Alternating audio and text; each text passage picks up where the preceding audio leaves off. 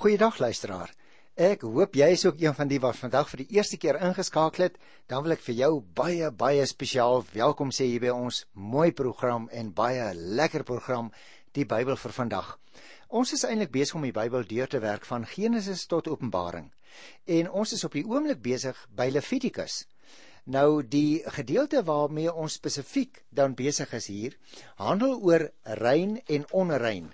En dit is die sogenaamde derde groot afdeling in die boek Levitikus. Dit handel van uh Levitikus 11 tot aan die einde van hoofstuk 15 oor allerlei wetgewing oor rein en onrein uh mense en dinge. Nou ons het verlede keer oor hoofstuk 11 gesels, en vandag gaan ons praat oor hoofstuk 12 en dit uh, is 'n kort hoofstuk. Dit handel net um oor 8 versies. En dit gaan spesifiek oor rein en onrein na swangerskap. Nou ja, ons moet nou dadelik onthou as ons dit lees, vandag sien ons die dinge nie meer so nie want dit het gegaan oor spesifieke gebruike ook vir mense wat daar in die woestyn gelewe het en vir hulle was sekere voorskrifte baie belangrik, nie net ter wille van hulle eie gesondheid nie, maar ek wil amper vir jou sê ter wille van 'n oorlewing nê, want kan jy nou jou voorstel as daar 'n groot pes in die kamp sou uitbreek? Dan kon daar honderde en letterlik duisende van die mense gesterf het. En daarom het die Here dit so gereël dat hulle duidelike voorskrifte gehad het hoe hulle kon weet uh, hoe hulle hulle self moet uh, versorg hoe hulle sekere dinge moet verby vermy en ander dinge wat dan vir hulle gevaarlik sou wees moet onderskei. En dit is die agtergrond waar hierdie hele gedagte van rein en onrein uh sekerlik gebore is. Mag ek vir jou net so een of twee interessante dinge vertel voordat ek hierdie paar verse in Hosea 12 gaan behandel. Jy moet onthou in die Israelitiese oudheidkunde van die godsdienstige lewe is naas heilige plekke, heilige persone en heilige tye ook nog heilige handelinge bekend wat aan ons oorgelewer is. Nou vir jou, my mag baie van die goed nou vreemd en selfs 'n bietjie absurd klink, maar sien dit teen die agtergrond van die situasie waarin die Here dit vir hulle gegee het. Nou onder hierdie heilige handelinge val dan ook die hele gedagte van reiniging. Die wyse van behandeling van die onderwerp is natuurlik voor die hand liggend. Ons moet eers die Bybelse gegevens so bietjie bestudeer oor wat eintlik verontreinig. En daarna moet 'n mens dieselfde gegevens bestudeer oor wat reinig, die reinigingsmiddels wat deur die Here voorgeskryf is. Anders gaan ons nie verstaan nie. En allerlei soorte gegevens kan telkens saam bestudeer word. By die bespreking daarvan is dit dan ook altyd belangrik dat ons sal weet wat verstaan word onder die woord rein en onrein. En ek het die vorige keer vir jou gesê in die laaste program dat dit uiteindelik ten diepste gaan oor die verhouding met die Here. Van volledigheid, nou ja, daaroor kan ons uiteraard uh, hier geen sprake uh, wees nie want jy moet onthou ons is net besig om dit wat in die konteks van hierdie uitsprake vir ons belangrik is so bietjie uh, wat betref die agtergrond kyk en dit so bietjie bestudeer. So ek het laas keer met jou gesels oor die eet van rein en onrein diere. En nou kom ons hier in hierdie afdeling oor rein en onrein by geboorte dan nou by Levitikus 12 en dit handel oor net 8 versies. Kom ek maak eers 'n klompie algemene opmerkings en dan behandel ek die teks met jou. Jy sien, nadat 'n vrou geboorte geskenk het, is sy vir 'n hele tyd lank as onrein beskou in daardie tyd. Met onrein is nou nie bedoel dat so iemand sondig was nie. Dit moet jy duidelik raak sien. Seksuele omgang en geboorte was nie iets leliks of iets verbode nie, allermins. Die onreinheid het waarskynlik met die bloedvloeiing tydens en ook direk na geboorte te doen gehad. Want omdat afskeiding van die liggaam onrein was in die algemeen, was die vrou ook vir daardie tyd as onrein beskou. Sy mag vir 'n bepaalde tyd nie by die tent van samekoms kom nie of selfs ook aan die erediens deelgeneem het nie. Na die voorgeskrewe tydperk moes sy dan 'n brandoffer en 'n sondeoffer bring waarmee uiteindelik verklaar is dat sy nou weer rein is en dan is hy weer gereed om saam met die res van haar volksgenote voor die Here te kom. Nou hoekom die tyd wat sy moes wag voor sy die offer kon bring dubbel so lank was nadat sy geboorte aan 'n dogter gegee het, Dit is gewoon iets waar wat ons nie weet nie en daarom gaan ek nou ook nie daaroor spekuleer nie. Miskien nog net dit so in die algemeen. Mense kon ook onrein word deur ander afskeidings van die liggaam. Veral die afskeiding van bloed was 'n baie belangrike bron van onreinheid in daardie tyd van die openbaringsgeskiedenis. Dit was vir hulle asof die lewe so iemand verlaat. Gaan kyk maar in Genesis 9 by vers 4. Ons het daar ook met mekaar oor gepraat oor dit behandel het. Die grootste en die algemeenste normale afskeiding van bloed het natuurlik juis tydens kindergeboorte voorgekom. En dit is dan ook waarskynlik die rede waarom die voorskrifte daarvoor eers gegee word in hierdie gedeelte. Nou ek gaan eers dat ons net kyk na uh, vers 1 tot by vers 4 hier in Levitikus 12. Die Here het vir Moses gesê: "Sê vir die Israeliete: Wanneer 'n vrou 'n seun in die wêreld bring, is sy onrein, soos wanneer sy menstrueer 'n week lank. Op die 8ste dag moet die seuntjie besny word. Nou luister nou mooi. Daarna moet sy nog 33 dae wag om seker te wees dat die bloedvloeiing opklaar. Voordat die tydperk om is, mag sy aan niks raak wat gewyd is nie en ook nie die heiligdom ingaan nie. Dit is interessant luisteraars, daar is 'n baie ou boek gevind wat handel oor onrein hande. Jajadim word dit in Hebreëus genoem. En daarin het jy allerlei voorskrifte gekry wat uh vir jou gesê het wanneer jy aan 'n sekere voorwerp mag raak, um wat onrein is. En dan was daar sekere handelinge wat jy kon uitvoer om daardie voorwerp rein te kry. Maar die omgekeerde was ook waar. As die voorwerp nou rein verklaar is as gevolg van sekere rituele en jy wil nou weer daarmee uh, buitekant na die laar gaan om daar doodgewone sekulêre handelinge mee uit te voer en die ding te gebruik in jou alledaagse lewe. Dan moes daardie rein voorwerp eers weer onrein verklaar word. En daarvoor was ook voorskrifte. Maar ek vertel dit sommer maar net vir jou so te snaakies. So wat hierdie eerste 4 verse dan betref. Na die geboorte van 'n seun was 'n vrou onrein vanweë die afskeiding van bloed. 'n week lank het ons nou net gelees was haar onreinheid oordraagbaar. En daarna moes sy nog 33 dae wegbly van die dinge wat aan God gewy was, soos byvoorbeeld die heiligdom en die offervleis in die geval van 'n priester se vrou natuurlik. Sy kon dalk sonder dat sy dit dadelik besef het, weer begin vloei het en dus onrein geword het. Daar moes dus nie eens die moontlikheid wees dat die onreine by die heilige kon kom nie. Na 40 dae eers kon sy weer aan die erediens in die heiligdom gaan deelneem. En kyk nou hier by vers 5. Hier staan ook 'n interessante ding. As sy 'n dogter in die wêreld bring, is sy onrein soos wanneer sy menstrueer, maar 2 weke lank. Dan moet sy nog 66 dae wag om seker te wees dat daar geen bloedvloeiing meer is nie. Nou ek dink in ons tyd sou ons gesê het, "Jo, nou word jy dan verskriklik gediskrimineer." Is dit nie waar nie? Want uh, die wagtyd na die geboorte van 'n dogter was presies dubbel so lank as in die geval van die onrein periode na die geboorte van 'n seun. En die rede hiervoor luisteraars is ook nie vir ons duidelik nie en daarom wil ek nou ook nie daaroor spekuleer nie. Daar's allerlei raaiskote, maar ons weet nie regtig hoekom dit was nie. Sou dit byvoorbeeld wees omdat vroue en dogters relatief laer waarde gehad het in die heiligdom as mans en seuns destyds? Of sou dit byvoorbeeld wees omdat 'n babadogter later uh by baie meer geleenthede as die seuns onrein kon word, byvoorbeeld tydens menstruasie of uh, kindergeboorte? Ek sê weer, ek vra die vraag, maar ek wil die uitspraak gee nie, want die punt is ons weet nie regtig hoekom hierdie dubbelperiode vir onreinheid uh, na die geboorte van 'n dogter geldig was nie. Kom ek kyk net hier by vers 6 tot 8 in Levitikus 12. As sy in die geval van 'n seun of dogter die bepaalde aantal dae gewag het, moet sy 'n jaar oud lam as brandoffer en 'n tortelduif of enige ander duif as sondeoffer neem na die priester toe wat diens doen by die ingang van die tent van ontmoeting. Jy merk dus op, uh na geboorte, ten spyte van was dit nou 'n dogter of was dit nou 'n seun, moes daar eers 'n wagtyd wees voordat sy na die tabernakel in die woestyn toe kon gaan. Maar nou kom daar 'n verdere voorskrif. As sy dan tabernakel toe gaan, dan moes sy 'n bepaalde offer bring voordat sy kon deel kry aan die kultus. Nou goed, kom ons kyk nou van vers 7 af. Hy, dit is nou die priester, hy moet dit dan aan die Here offer en vra verzoening doen.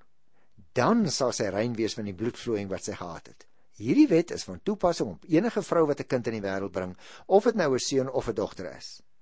As sy nie 'n lam kan bekostig nie, moet sy twee tortelduwe of twee ander duwe bring, die een as brandoffer en die ander as sondeoffer, sodat die priester vir haar verzoening kan doen en sy rein kan wees. Nou na die wagtyd merk ons nou op, moes die vrou 'n brandoffer en 'n sondeoffer bring. Ons het daaroor gepraat in Hosea 1 en ook uh, in Hosea 4 en 5. Die versoening wat nou hier vermeld word in vers 7 wat die sondoffer teweeggebring het, het haar met ander woorde gereinig sodat sy weer aan die erediens kon deelneem.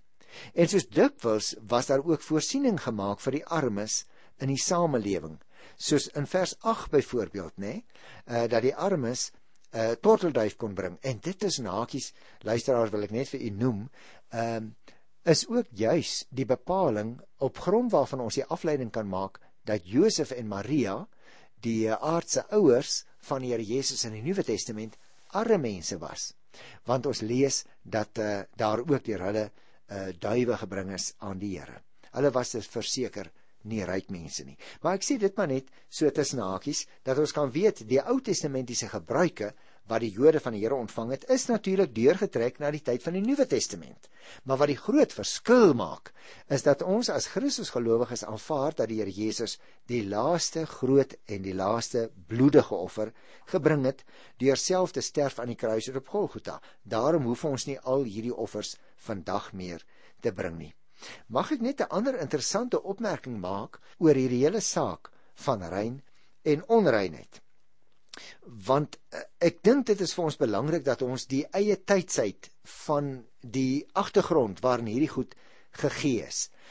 Nou die opmerking wat ek wil maak is dit om die heiligheid van God en die volk te demonstreer word reinigings voorgeskryf wanneer die volk of 'n lid van die volk in aanraking gekom het met iets wat besonder herinner het aan 'n vloek byvoorbeeld wat die heilige God opgelê het op die skepping na die sondeval van die mense. Die heiligheid van God as gevolg waarvan hy die sonde en wat deur die sonde teweeggebring is vervloek dit is die grond van die wette in sake reinheid of onreinheid. Want 'n mens kon jou hele verhouding met die Here belemmer deur verkeerde optrede of soos ons nou net vandag gesien het, uh na 'n kind gebore is, was daardie vrou onrein. Nou Christus het ons natuurlik losgekoop van die vloek van die wet deur self vir ons 'n vloek te word. Want daar is 'n skrywer, jy onthou daar Galasiërs 3 vers 13. Vervloek is elkeen wat aan 'n hout hang. Kom ek sê dit so. Selfs die dood en die doderyk is verslind in die oorwinning van Jesus Christus ons Here. Gaan kyk maar in 1 Korintiërs 15 by die 54ste vers.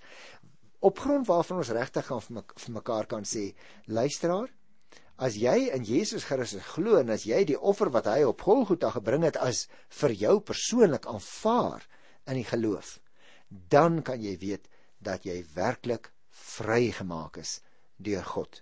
Die groot en finale offer is gebring. Nou ons het nog so klein bietjie tyd oor en daarom wil ek begin met Levitikus 13.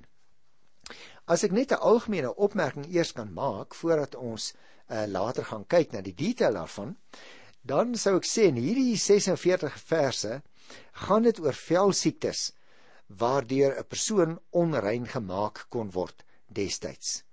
Nou ter inleiding sou ek wou sê die voorskrifte oor velsiektes waar die mense dan onrein kon word, het natuurlik niks te doen met die vraag of die siekte aansteeklik was of nie. Die enigste maatstaf was die vraag of daar die moontlikheid was van 'n afskeiding van bloed of van bloedplasma. Daardeur kon 'n mens onrein word.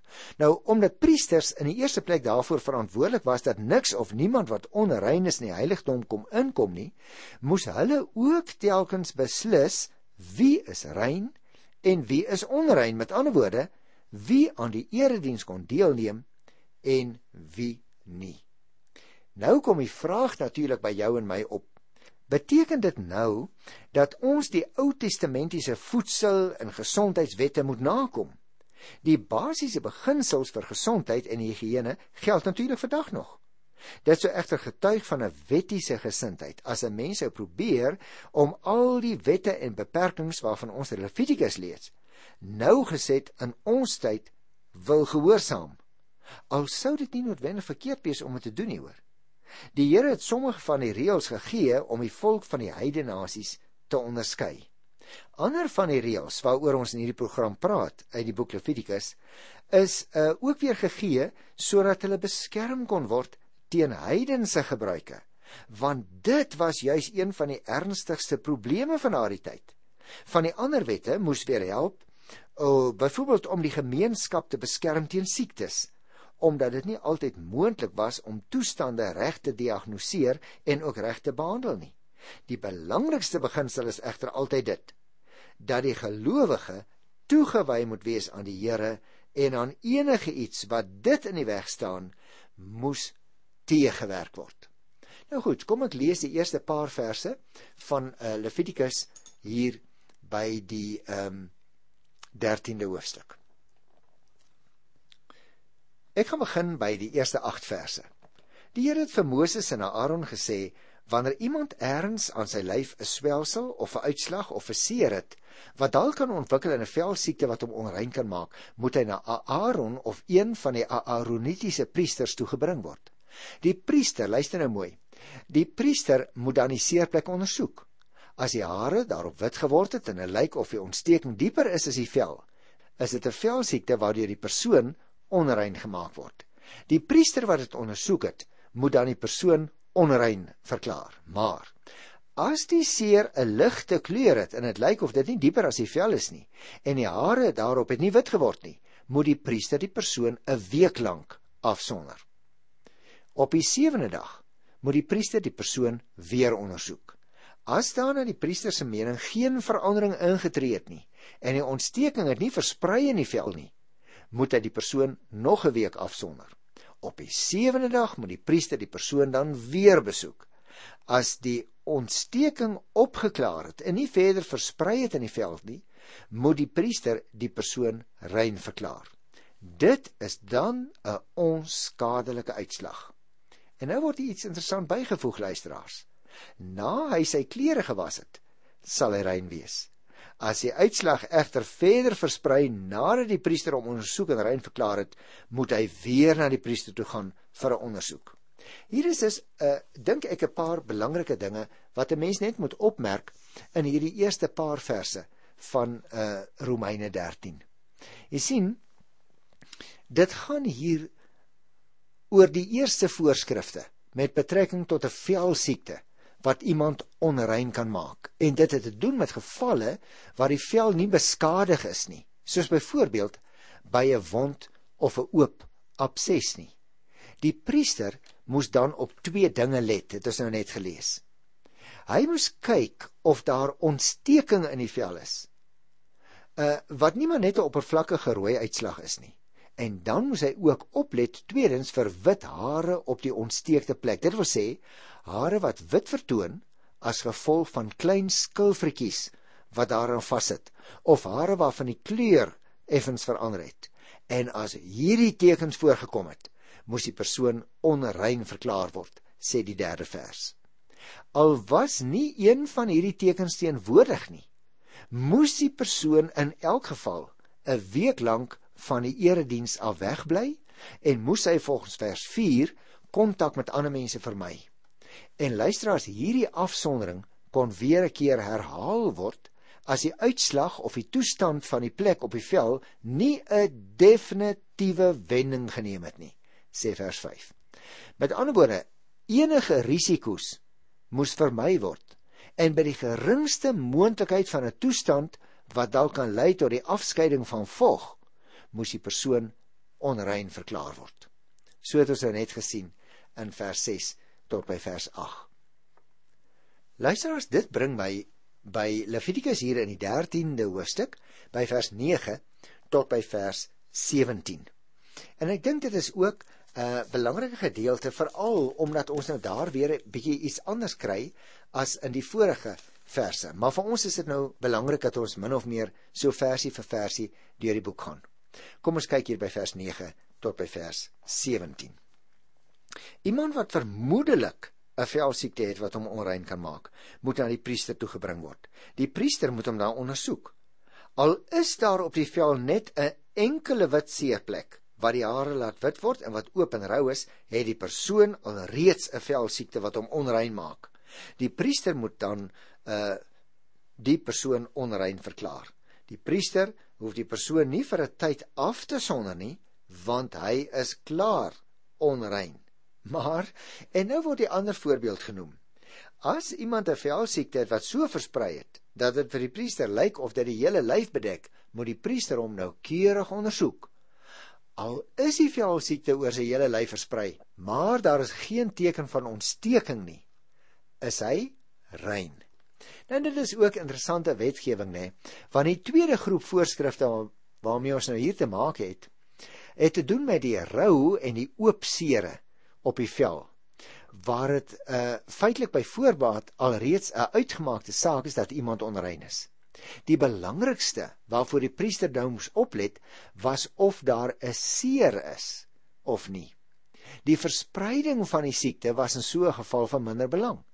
'n Droë roof wat enige afskeiding van vog verhinder het natuurlik, was die bewys waarna die priester moes soek om so 'n persoon rein te verklaar. Nou luister na vers 18 tot by vers 23. As iemand aan sy lyf 'n verswering gehad het wat genees het en waar die verswering was kom daar 'n wit swelsel of 'n rooierige seer, moet dit aan die priester gewys word. Die priester moet dit ondersoek. En as dit lyk of die kwaad onder die vel is en die hare daarop wit geword, moet die persoon deur die priester onrein verklaar word. Deur die verswering het daar 'n velsiekte ontstaan wat hom onrein gemaak het. Met ander woorde, uh, luisteraars, uh, nadat 'n seer of 'n verswering genees het, was daar altyd die moontlikheid dat dit kon hervat.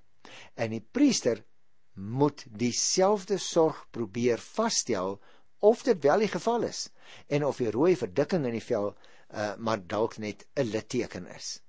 Nou goed, Eh, kom ons doen so 'n stukkie hier van vers 24 tot vers 28, want dit gaan nog steeds oor sekere velsiektes.